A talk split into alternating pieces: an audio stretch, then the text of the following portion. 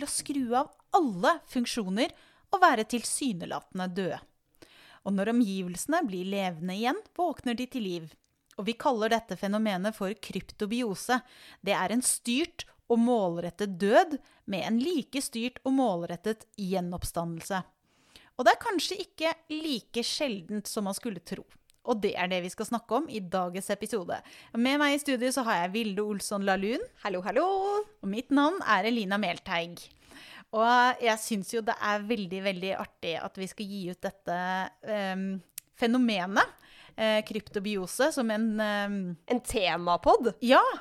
I, for en gangs skyld, altså noe som passer til tiden, da. fordi nå er det uh, Når denne episoden kommer ut, da er det påske. Nå er det påske, og ja. vi skal snakke om kryptobiose og gjenoppstandelse. Ja, og er det, litt, det, er akkurat det som er litt gøy. For i biologiens verden så er dette med gjenoppstandelse faktisk mulig. Det er kanskje litt kontraintuitivt at man kan være helt død. Absolutt alle livets prosesser kan være skrudd av. Det er ikke mulig å måle liv. Og så kan man allikevel Komme tilbake. Nettopp. Eh, og det er Ja. Eh, det kan man også si at jomfrufødsel er også mulig i biologien, faktisk. det får bli neste påske. Ja. Eller jul. Eller jul, ja. Mm. Jul mer.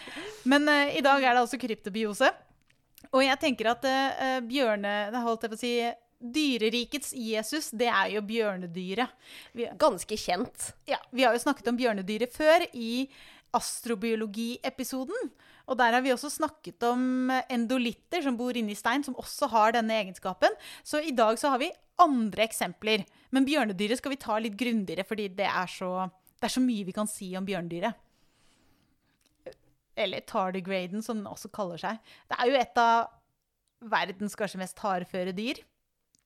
Uh, og det er ikke bare én måte den kan dø på. Uh, kan dø på flere måter? Dø og gjenoppstå, da. Og sånn, ja. Ja, ja, ja. Fordi, Hva får egentlig bjørnedyret til å gå inn i denne dødsprosessen? Ja, det kan du si. Altså, det er jo litt det at det, bjørndyret oppdager at åh, nå var det litt kjipt her.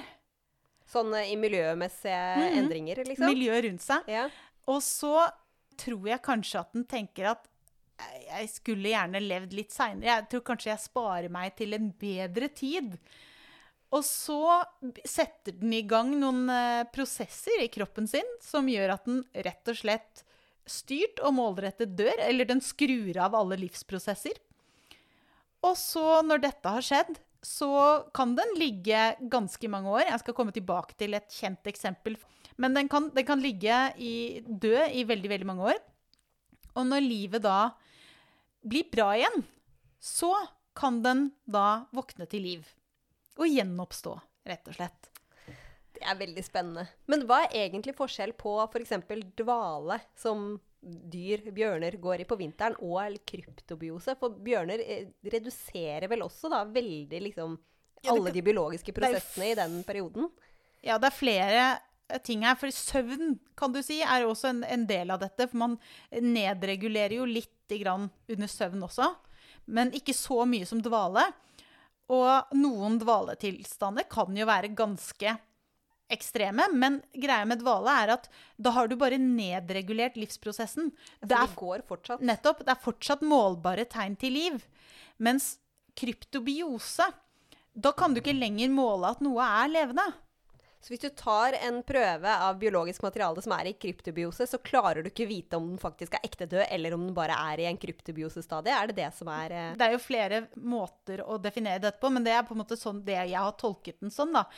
Det er veldig fascinerende at det er mulig. Det er det. Og de har kalt det diapause, som er dvale, eller nedregulering. Og så eh, har du quiescence, som på en måte er å kutte ut livsprosesser. Ja, helt stopp, liksom. Mm. Og, det, og, med kryptobiose som kanskje den mest ekstreme formen for det, da, hvis jeg har forstått det rett. Og så er det gøy at man finner eksempler på dette mange steder i dyre- og planteriket. Ikke sant? Det er mange dyr og planter som har den egenskapen. Og bare tenke at jeg venter til bedre tider. Ja. Og jeg tror det, det er nok mange mennesker som også tenker at nå har det jo herjet en pandemi her det siste året, eh, som tenker at ah, det hadde vært litt deilig om jeg også hadde hatt den egenskapen, og på en måte skru av alt, sove et år, eller, eller skru av alt og våkne eh, når alt dette er over og ting har blitt bedre igjen. Tenk å skru av alt til si 14. mars da, 2020, og våkne nå til sommeren. Det, hadde vært, det hadde vært bra. Det har vært veldig, veldig bra. Kanskje. Du vet jo ikke hva du går glipp av, da. Vi er jo eh, litt sånn, eh, vi mennesker, at vi er litt redd for å gå glipp av ting. Bjørndyret har ikke den Bjørndyret Indre følelsen. følelsen. skrur av alt og bare tenker det blir bedre. Den festen, det går bra. Klarer meg uten. uh, og det som er at litt avhengig av hvor den bor, for bjørndyret fins jo i store deler av verden, ulike bjørndyrarter. Og da, litt avhengig av hvor det bor, så er det litt ulike former for å skru av.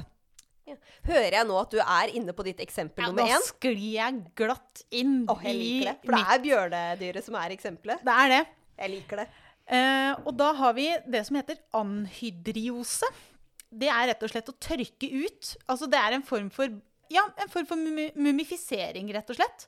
Du tørker ut alle cellene i kroppen, og så bytter du ut eh, vann med et sukkerstoff som heter trehalose, som beskytter cellen mot uttørking. For vanligvis er egentlig denne uttørkingsprosessen ganske farlig. Men hvis du bytter ut vannet med trehalose, så går det bra. Ja. Og bjørnedyret har den evnen. Til å lage trehalose og bytte det ut med vann. Ja. Mm. Eh, Så du kan si at bjørndyret lager en slags sånn mumie av seg selv.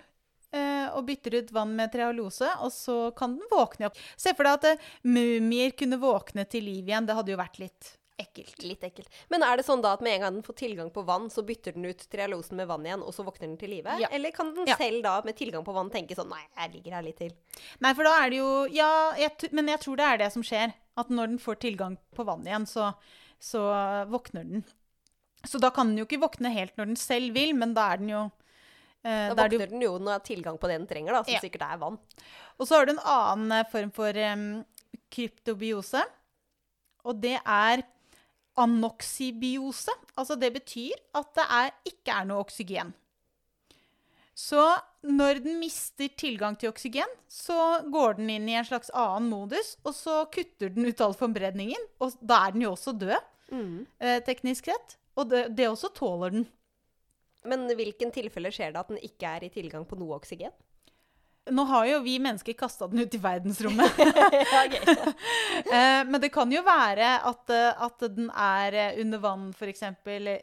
Under litt sånn bestemte forhold, hvor vann, oksygennivåene kan bli veldig, veldig lave.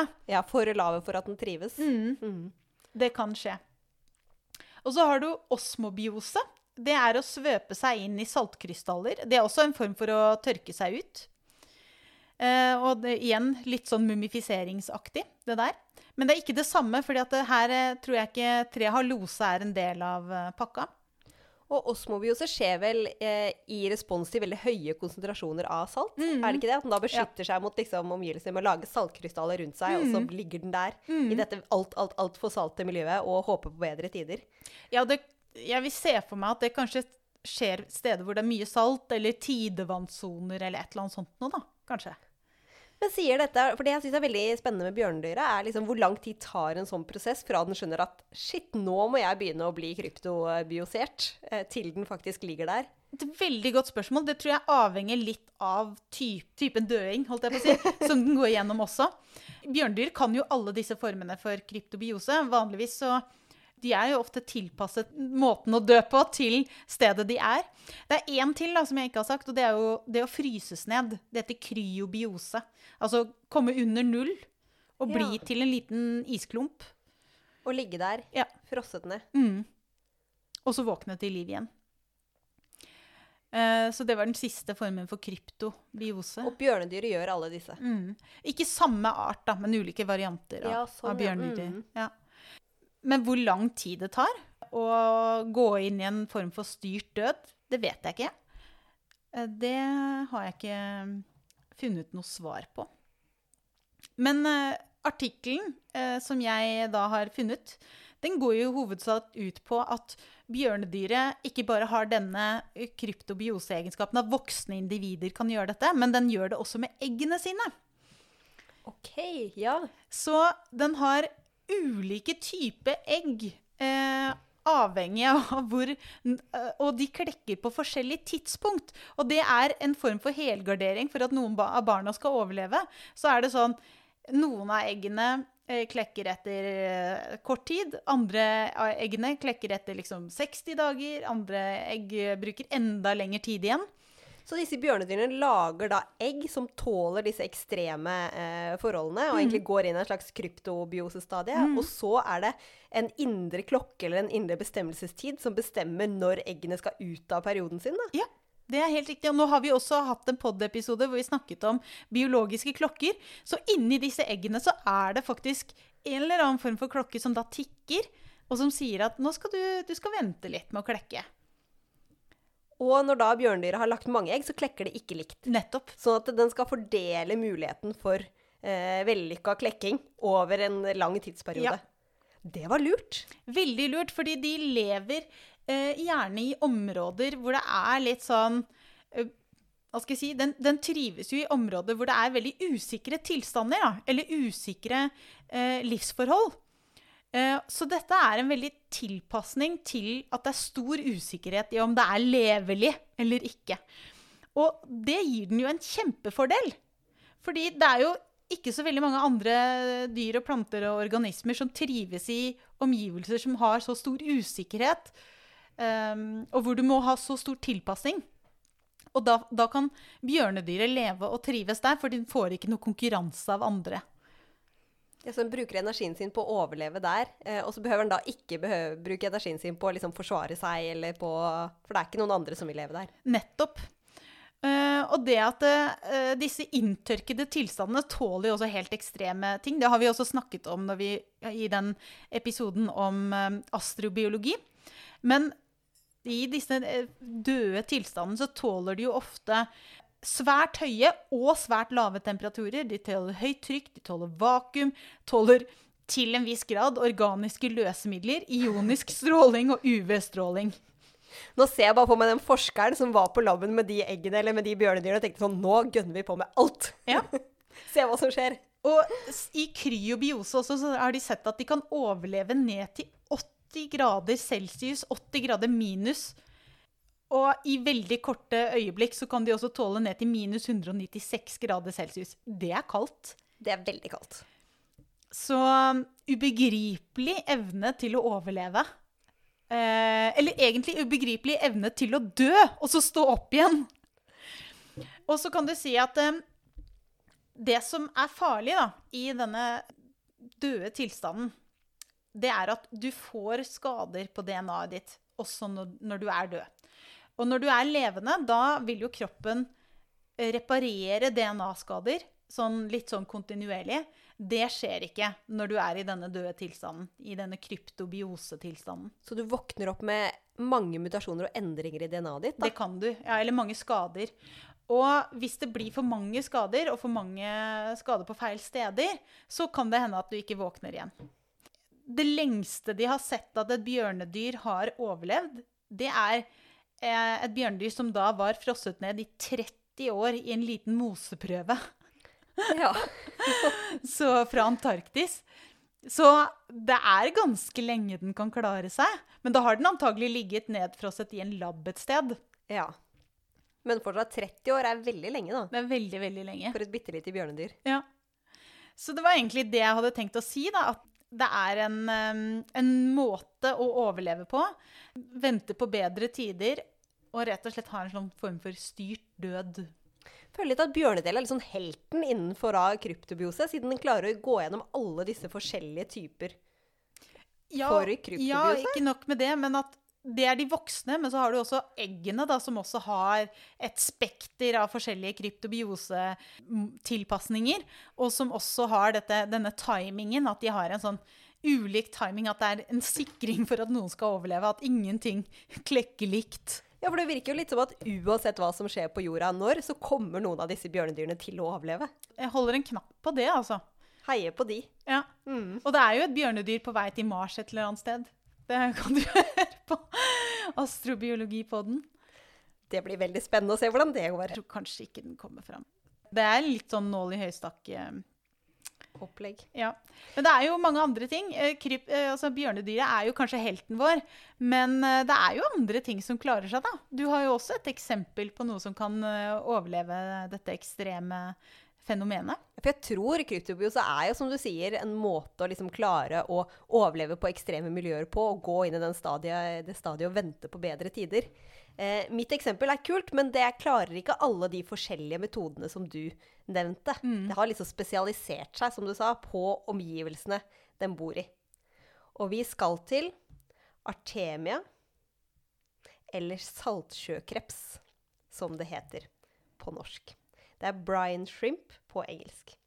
Og denne Artemia-krepsen er veldig eh, spesiell. Den er ganske liten, og så er den innenfor eh, gruppen av tusenbeinkreps. Og så lever den i det man kjenner som sånne salt... Eh, innsjøer, salt, salt lakes. Små, liksom veldig salte innsjøer. Og jeg liker, eller det paperet som jeg har klart å finne, det sier noe om at eh, Artemia er liksom tilpasset til å overleve kritiske tilstander. Og det er den. På mange forskjellige måter. For det første så er den voksne liksom, eh, krepsen. Den klarer å tåle opptil ti ganger så mye saltkonsentrasjoner som i vanlig eh, sjøvann. Og fortsatt ha det liksom helt fint. Nettopp. Og det er ganske mye salt. Og det påvirker liksom osmoseregler, vanntransport i en kropp, og hvordan eh, en, en organisme lever, påvirker det veldig mye. Så det er ganske ekstremt at den klarer å overleve det. Ja, I så eh, salt vann så skal i du egentlig ikke klare det. Nei, så, og i hvert fall ikke en liten kreps. Men det eh, klarer den, og den har derfor blitt kalt liksom for osmoregulatorens konge i, eh, i eh, dyreverden. Så jeg liker å se på den lille krepsen som en slags konge, eller dronning, da, hvis det er eh, hundkrepsene. Så bjørnedyret har kanskje størst variasjon, men denne er rett og slett Denne eier salt... Saltdammene, den Ja. eier saltdammene. Men så er det jo da et problem med disse saltdammene. For de saltdammene de er, eh, eller de kan jo være varierende størrelse, men til syvende og sist så er det en dam. Og det er ganske mye salt i de, og steder hvor det er saltdammer, i likhet med alle andre steder, kan være utsatt for f.eks. tørke. Og når en saltdam tørker ut, da blir det tørt. Da er det bare salt igjen, og ikke noe vann. Og selv om denne er da liksom kongen eller dronninga av å overleve dette, så klarer den jo da, den voksne krepsen, ikke å overleve. ja, Det fins grenser. Fins grenser. Den trenger vann. Det er en kreps. Så det klarer den da ikke å overleve. Men den har en slags overlevelsesstrategi. Og det er å dø.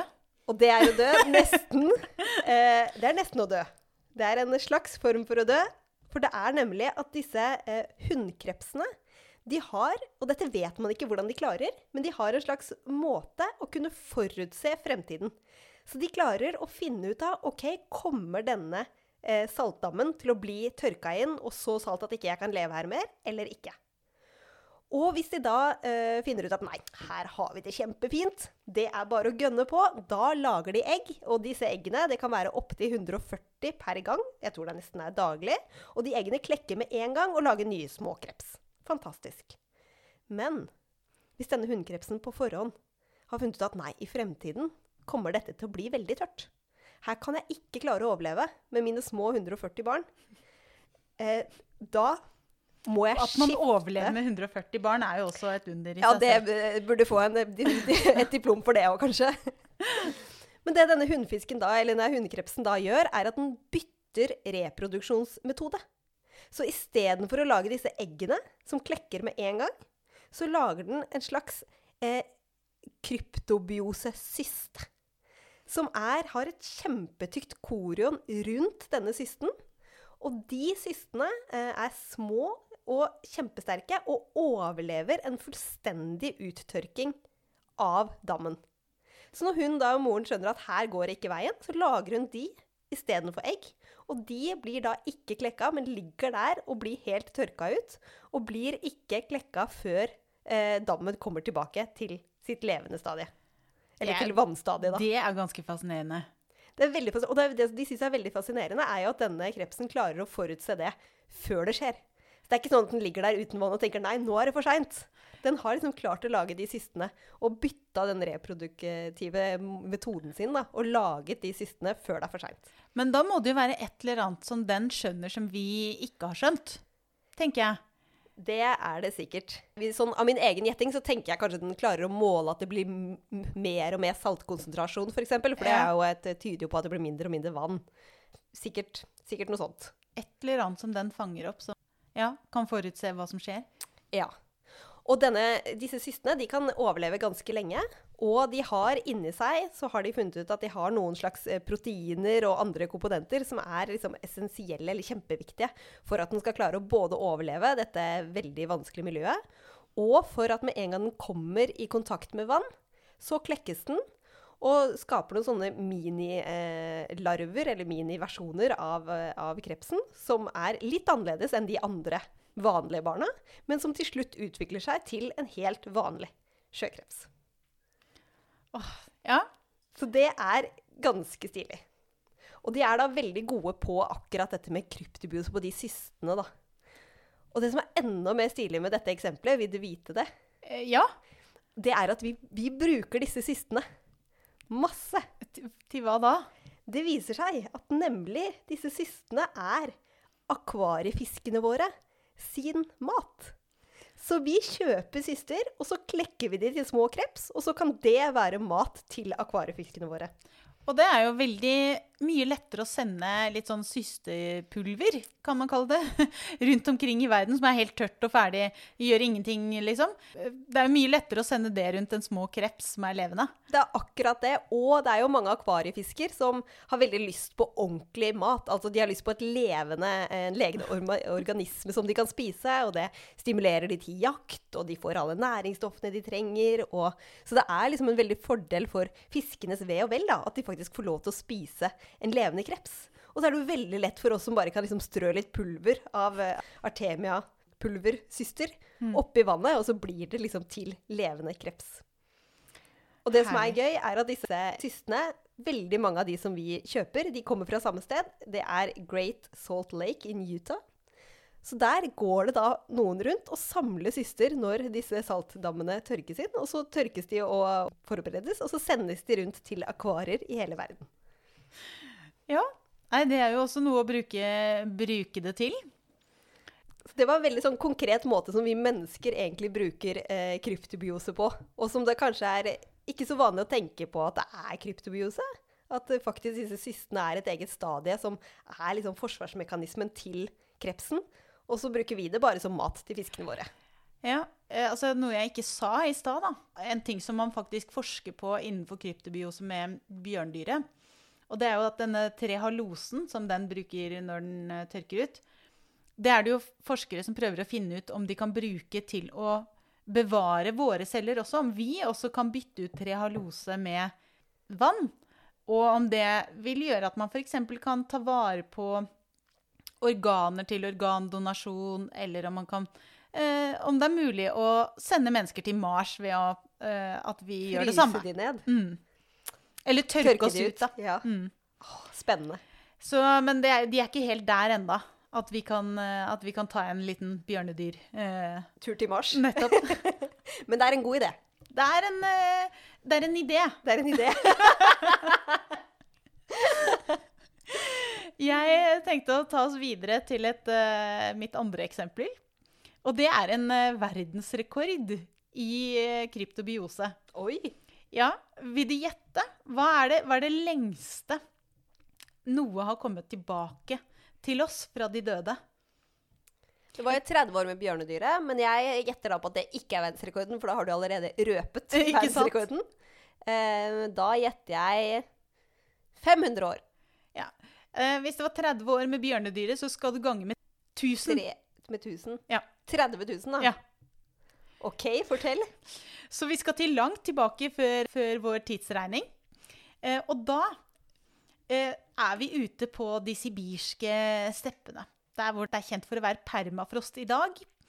Det er verdens største dypfryser, hvor ting har da vært kaldt og frosset ned i tusenvis av år. Og Du kan se på dette som en slags sånn tidsmaskin tilbake til 30 000 år tilbake i tid, da mammutene levde og det var istid i verden. Og jeg vet ikke om du har sett den barnefilmen 'Istid'? Jo, den har jeg sett. Vet du hva, den driver jeg og ser på akkurat nå.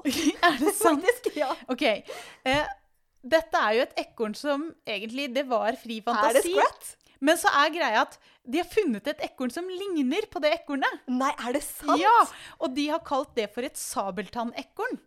Og den har til og med fått et navn. Den kaller for Kronopio dentiacutus. Men den levde for 100 millioner år siden, så det er ikke et sånt et. Men det er et annen type ekorn. Har de vekt i livet et 30 000 Nei, nei, år gammelt ekorn? nei, nei, nei. Nei, ok. okay nå er- Nei, men se for deg dette ekornet. Ja. Ok, Så sabeltannekornet i istid eh, har en litt nærmere slektning, eh, som er det som de kaller for Arctic ground squirrel. Den er bare liksom uten disse tennene, da. Men den har jo levd på denne permafrosten. Og gjør som ekorn flest, at den har noen huler eh, under bakken hvor den har gjemt frø. Ja. Og i enkelte av disse rommene så er det opp mot 600 000-800 000 frø. Og det var mye jobbing. Så den har bare vært skikkelig arbeidsom og har lagra så vanvittige mengder med frø. Og dette er jo en gullgruve for forskerne. Stakkars ekornet som bare Hvor var den gruva igjen? Jeg veit jeg hadde en sykt svær en. Hvor var den? Og så, så er jo dette nå Begynner forskerne å grave opp, og da finner de jo masse, masse, masse frø som er veldig, veldig godt bevart. Ja, De har jo ligget trygt og godt i ekornhula. Nettopp. Eh, og karbondateringen viser at det er 30, 31 800 år pluss minus 300 år, da. Hvor de har ligget der. Nettopp. Fy søren, så stilig. Kaldt og godt bevart. Og da kan vi jo finne planter som var levende når mammutene levde, og så kan vi sammenligne de plantene med dagens planter på tundraen og se hvordan disse har overlevd. Men det forskerne måtte se, var jo først kan vi få disse frøene til å spire igjen. Ja. Og det klarte de. De har jo funnet flere typer frø hvor de har funnet livstegn når de begynner å liksom prøve å, å gjenopplive dem. Eh, så de fikk livstegn fra Carex, altså typen noe starr eller halvgrass. Og så har de klart å liksom få noe livstegn, men ikke spiring, fra Arctous alpina, altså rypebær, og Rumex arcticus, syreslekta. Så her har de liksom sett at okay, det, det skjer noen livsprosesser inni frøene, men de har ikke fått dem til å spire. Men den de eh, fikk til å spire, det er en, eh, en plante. Altså, den, den eldste planten fram til nå var en Phoenix dactylifera, som er en daddelpalme. Eh, som var funnet nær eh, Dødehavet, og den var datert til det åttende århundre. Nei, sorry, det første århundret før eh, Kristus. Så det var jo en av de plantene som har eh, vært eldst, som de har fått til å spire igjen. Men nå har du liksom grusa den, da. Med noe sånt som Med ekornlagre. 30 000 år. Og denne er den planten som, de da, som har knust rekorden. Det er en nellikart. Det er en silene stenofylla. Det var fint navn. Veldig Og så fint. nellik. Ja. Og en av de morsomme tingene som de da fant ut De har jo da gitt den jord fra samme sted som planten vokser i, den nåværende planten vokser i dag. Samme lys- og temperaturforhold som de trodde det var på den tiden. Eh, og så må den vannes med helt rikt, eh, rent vann og bestemte næringsmedium for å liksom etterligne den samme tiden. Og da fant de ut at eh, denne planten den har jo forandret seg litt, da. Siden den, den I forhold til den nålevende slektningen. Blant annet så så de at den gamle slektningen, den var enkjønna. Altså blomsten var hunnkjønn.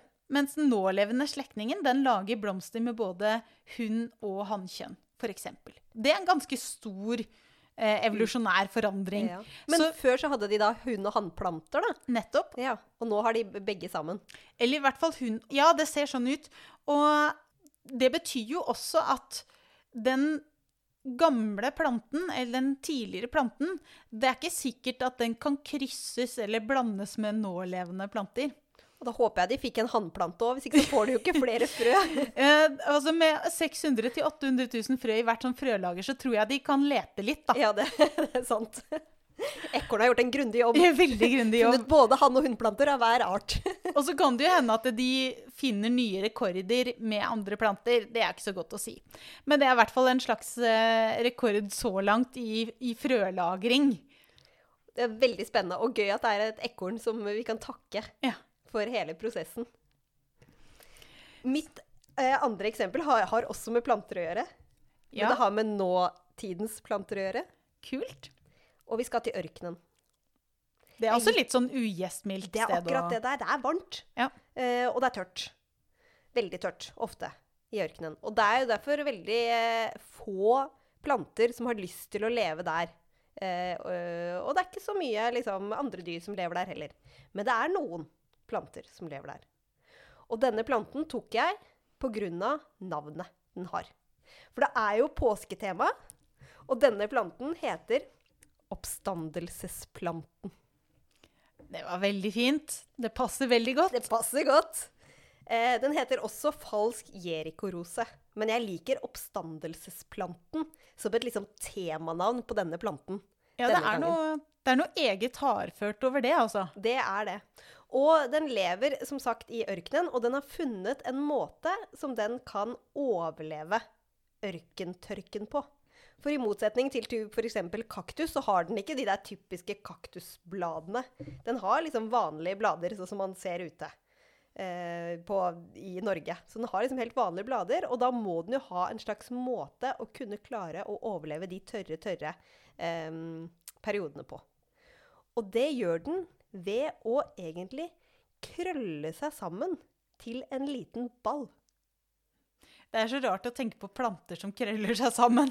Ja, og det er kjemperart å tenke på at den eh, krøller seg sammen. Og det den egentlig eller det som skjer, er at planten begynner å tørke ut, og da mister den jo veldig mye av vannet sitt. Vannet går ut, eh, planten begynner å liksom tørke litt sånn inn. Og det er liksom clouet for planten som sier at nå må eh, uttørkinga skje. Nå må jeg forsvare meg. Og da begynner den å krølle seg inn, mister all klorofyll, så den er ikke grønn lenger. Eh, gidder ikke bruke energi på liksom, klorofyll, nå skal den bare overleve. Krøller seg sammen til en bitte, bitte, bitte liten ball. Som er Jeg tror jeg leste at den kan bare var 5 av eh, den vanlige størrelsen på planta. Så den lille ballen blir kjempeliten. Og den har mista eh, 95 av vannet sitt. Mm. Og i likhet med bjørnedyret, Elina, så lager denne planten trealose Kult. til å beskytte seg for egentlig de eh, problemene som skjer inni celler, da, når cellene ikke har tilgang på vann. For da blir det jo helt feil sånn osmoseregulering. Det blir for feil i forhold til eh, hvor mye salter og andre ting som er inni cellen, eh, i forhold til hva det egentlig skal være. Og da lager de disse trialosekrystallene som forhindrer alle de der biologiske greiene inni cellene til å bli ødelagt av, av vannet. Og det studiet som jeg da har sett på, da var de veldig interessert i å se på hvordan klarer denne planten å krølle seg sammen til en ball. For det er jo en veldig sånn der konkret prosess. Eh, og den må jo så klare å ta vare på alle strukturene sine, så den kan krølle seg opp igjen. Så det er ikke bare å liksom pakke den sammen som man gjør med en gammel avis. Den må krølle seg sammen på en måte som gjør at den kan krølle seg opp igjen òg. Ikke sant? Ja. Det er jo ikke bare å bli mumie. Det er ikke bare å bli mumie. Det er vanskelig. Så det de gjorde, var at de eh, tok denne planten, og så eh, filma de den. Både når den tørka inn, og når den tørka ut. Og så prøvde de å analysere ok, hva skjer egentlig eh, i uttørkinga, eller inntørkingsprosessen.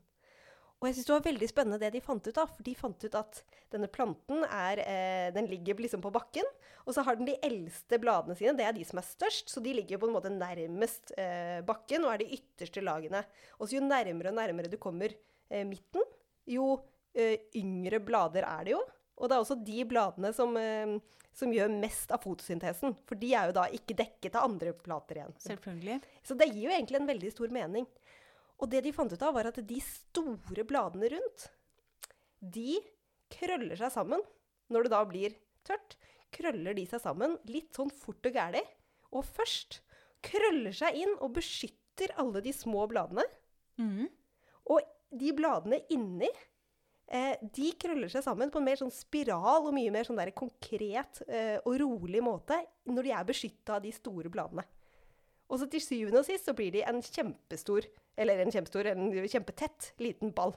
Men det er egentlig de ytterste bladene som beskytter de små, da, både i innkrøllingsprosessen og utkrøllingsprosessen. For det er de små som da gjør fotosyntese, og som trenger liksom mest kjærlighet. Og som ikke skal bli eh, tatt for mye og få for mye liksom, belastning av eh, uttørkinga. Men de store bladene er jo minst like viktige nettopp fordi de beskytter de små. Ja, så de er viktige, men de er ikke, det er ikke de som gjør fotosyntese. Og de er ikke så sårbare. Mm. De er liksom større og, og mer De er laget for å være litt tøffe. De er laget for å være tøffe. Og det de også fant ut av, at denne krøllinga, den skjer fordi av liksom strukturer i bladene. At på den ene siden er det kanskje litt mer cellevegg enn på den andre siden. Og sånn er det både liksom på cellenivå og på bladnivå. Og så er det liksom komposisjonen da, av liksom forskjellige strukturer på bladene som gjør at det er en sånn automatisk krølling. Så det er ikke sånn at bladene har liksom en muskel som kan dra sammen bladene. Nei, nei, det er bare at når vannet blir borte, så er det liksom fysikken som gjør at dette krøller sammen. Og fysikken i da de ytre bladene er litt annerledes enn de indre. Så de krølles på liksom to forskjellige måter.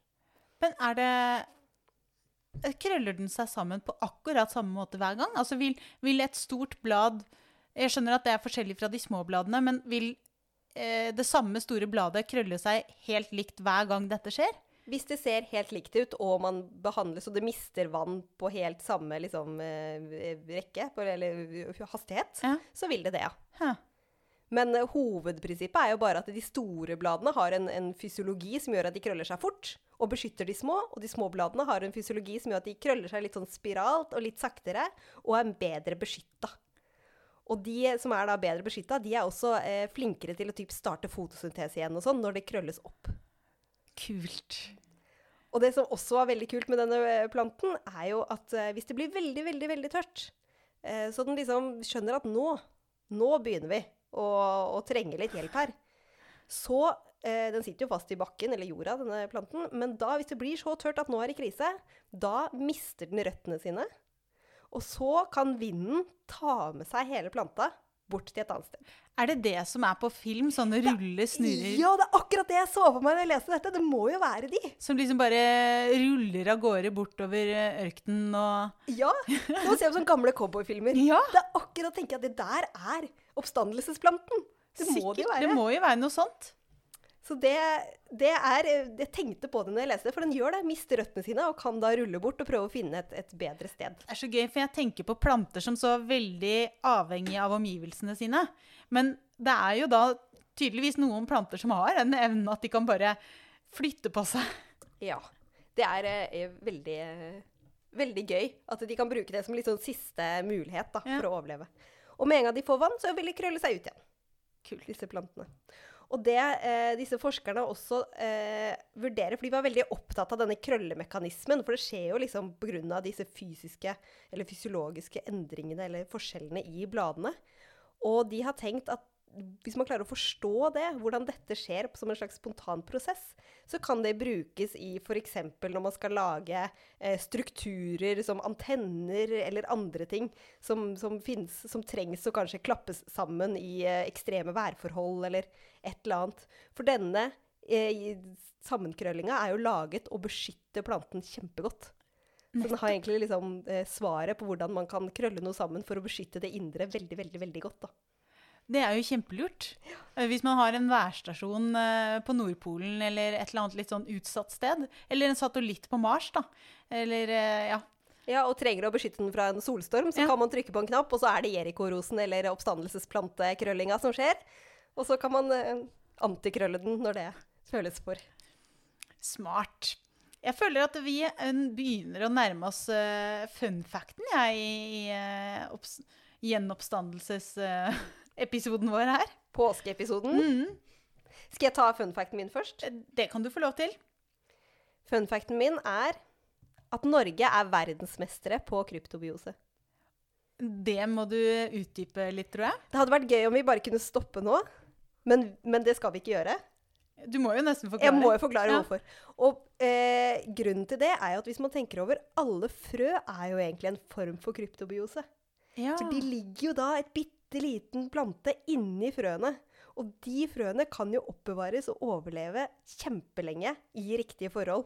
Og det skjer ikke noe biologisk aktivitet inni et frø. Så planter i seg selv er jo bare en helt fantastisk greie. At de klarer å lage frø. Og Norge har jo et av verdens største globale frøhvelv på Svalbard. Vi er ekornet! Vi er ekornet! Vi er 2021-ekornet! Nettopp! Som bare lagrer alle frøene og liksom bare Ja.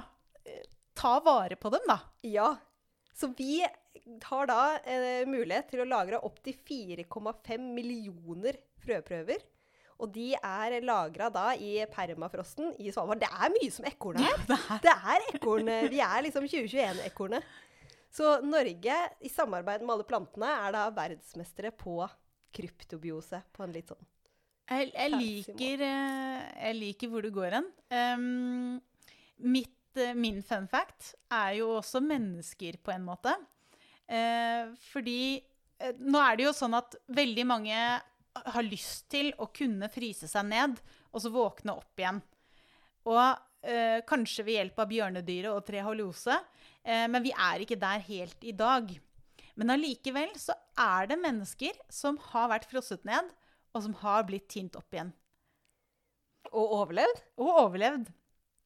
Hva tror du er verdensrekorden i å overleve i fryseren, eh, Vilde, for et menneske?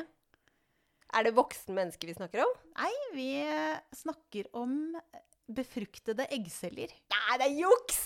Da er det Og- vel eh, da, Kan jeg gjette? Er det ikke det 30 år? Nesten. Vi er nesten Ja. på bjørndyrestadiet. Verdensrekorden er 27 år. Ja, det er lenge. Og dette er en ganske ny rekord, fordi at dette embryoet hadde vært frosset ned i 27 år, og i oktober 2020 så ble eh, denne personen, Molly Gibson, født.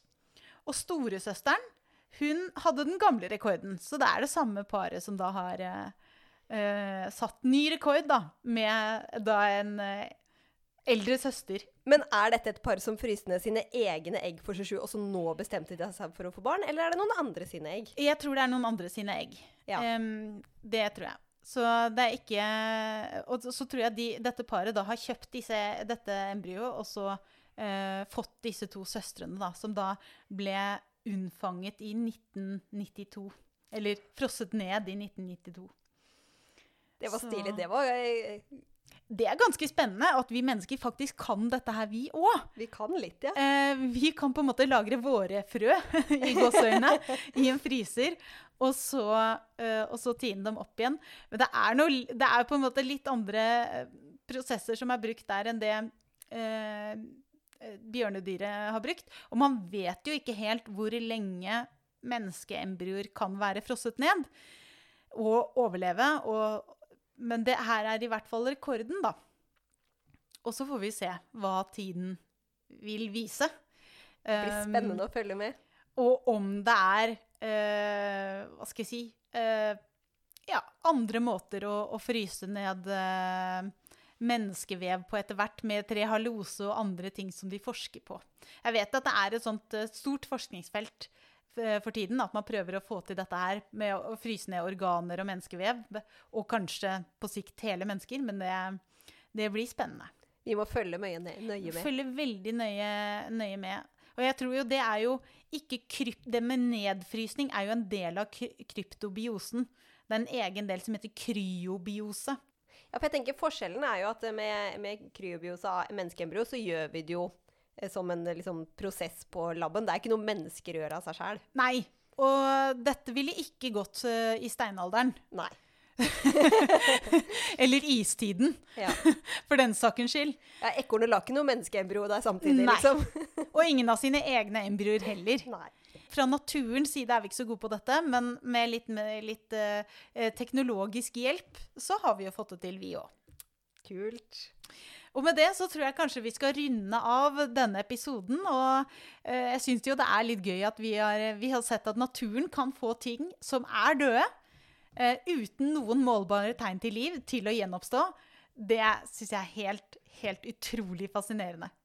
Ja, så med det så må vi vel bare si god påske, må vi ikke det? Ja, det syns jeg. Og så ses vi om en uke. Ha det bra. Ha det bra.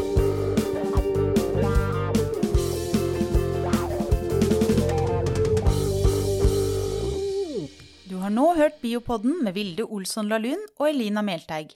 Og med på laget har vi også Torborg Galtland, daglig leder i Norsk biologforening. Musikken du hørte, er laget av biologibandet Overgump, som består av Even Sletteng Garvang, Markus Fjelle, Erik Møller, Mathias Kirkeby og Audun Rugstad. Fortell gjerne om podkasten til venner og kjente, og gi oss tips og tilbakemeldinger på e-posten biopodden alfakrøllbio.no. Og så er du hjertelig velkommen til å støtte oss ved å bli medlem av Norsk biologforening. Vi høres.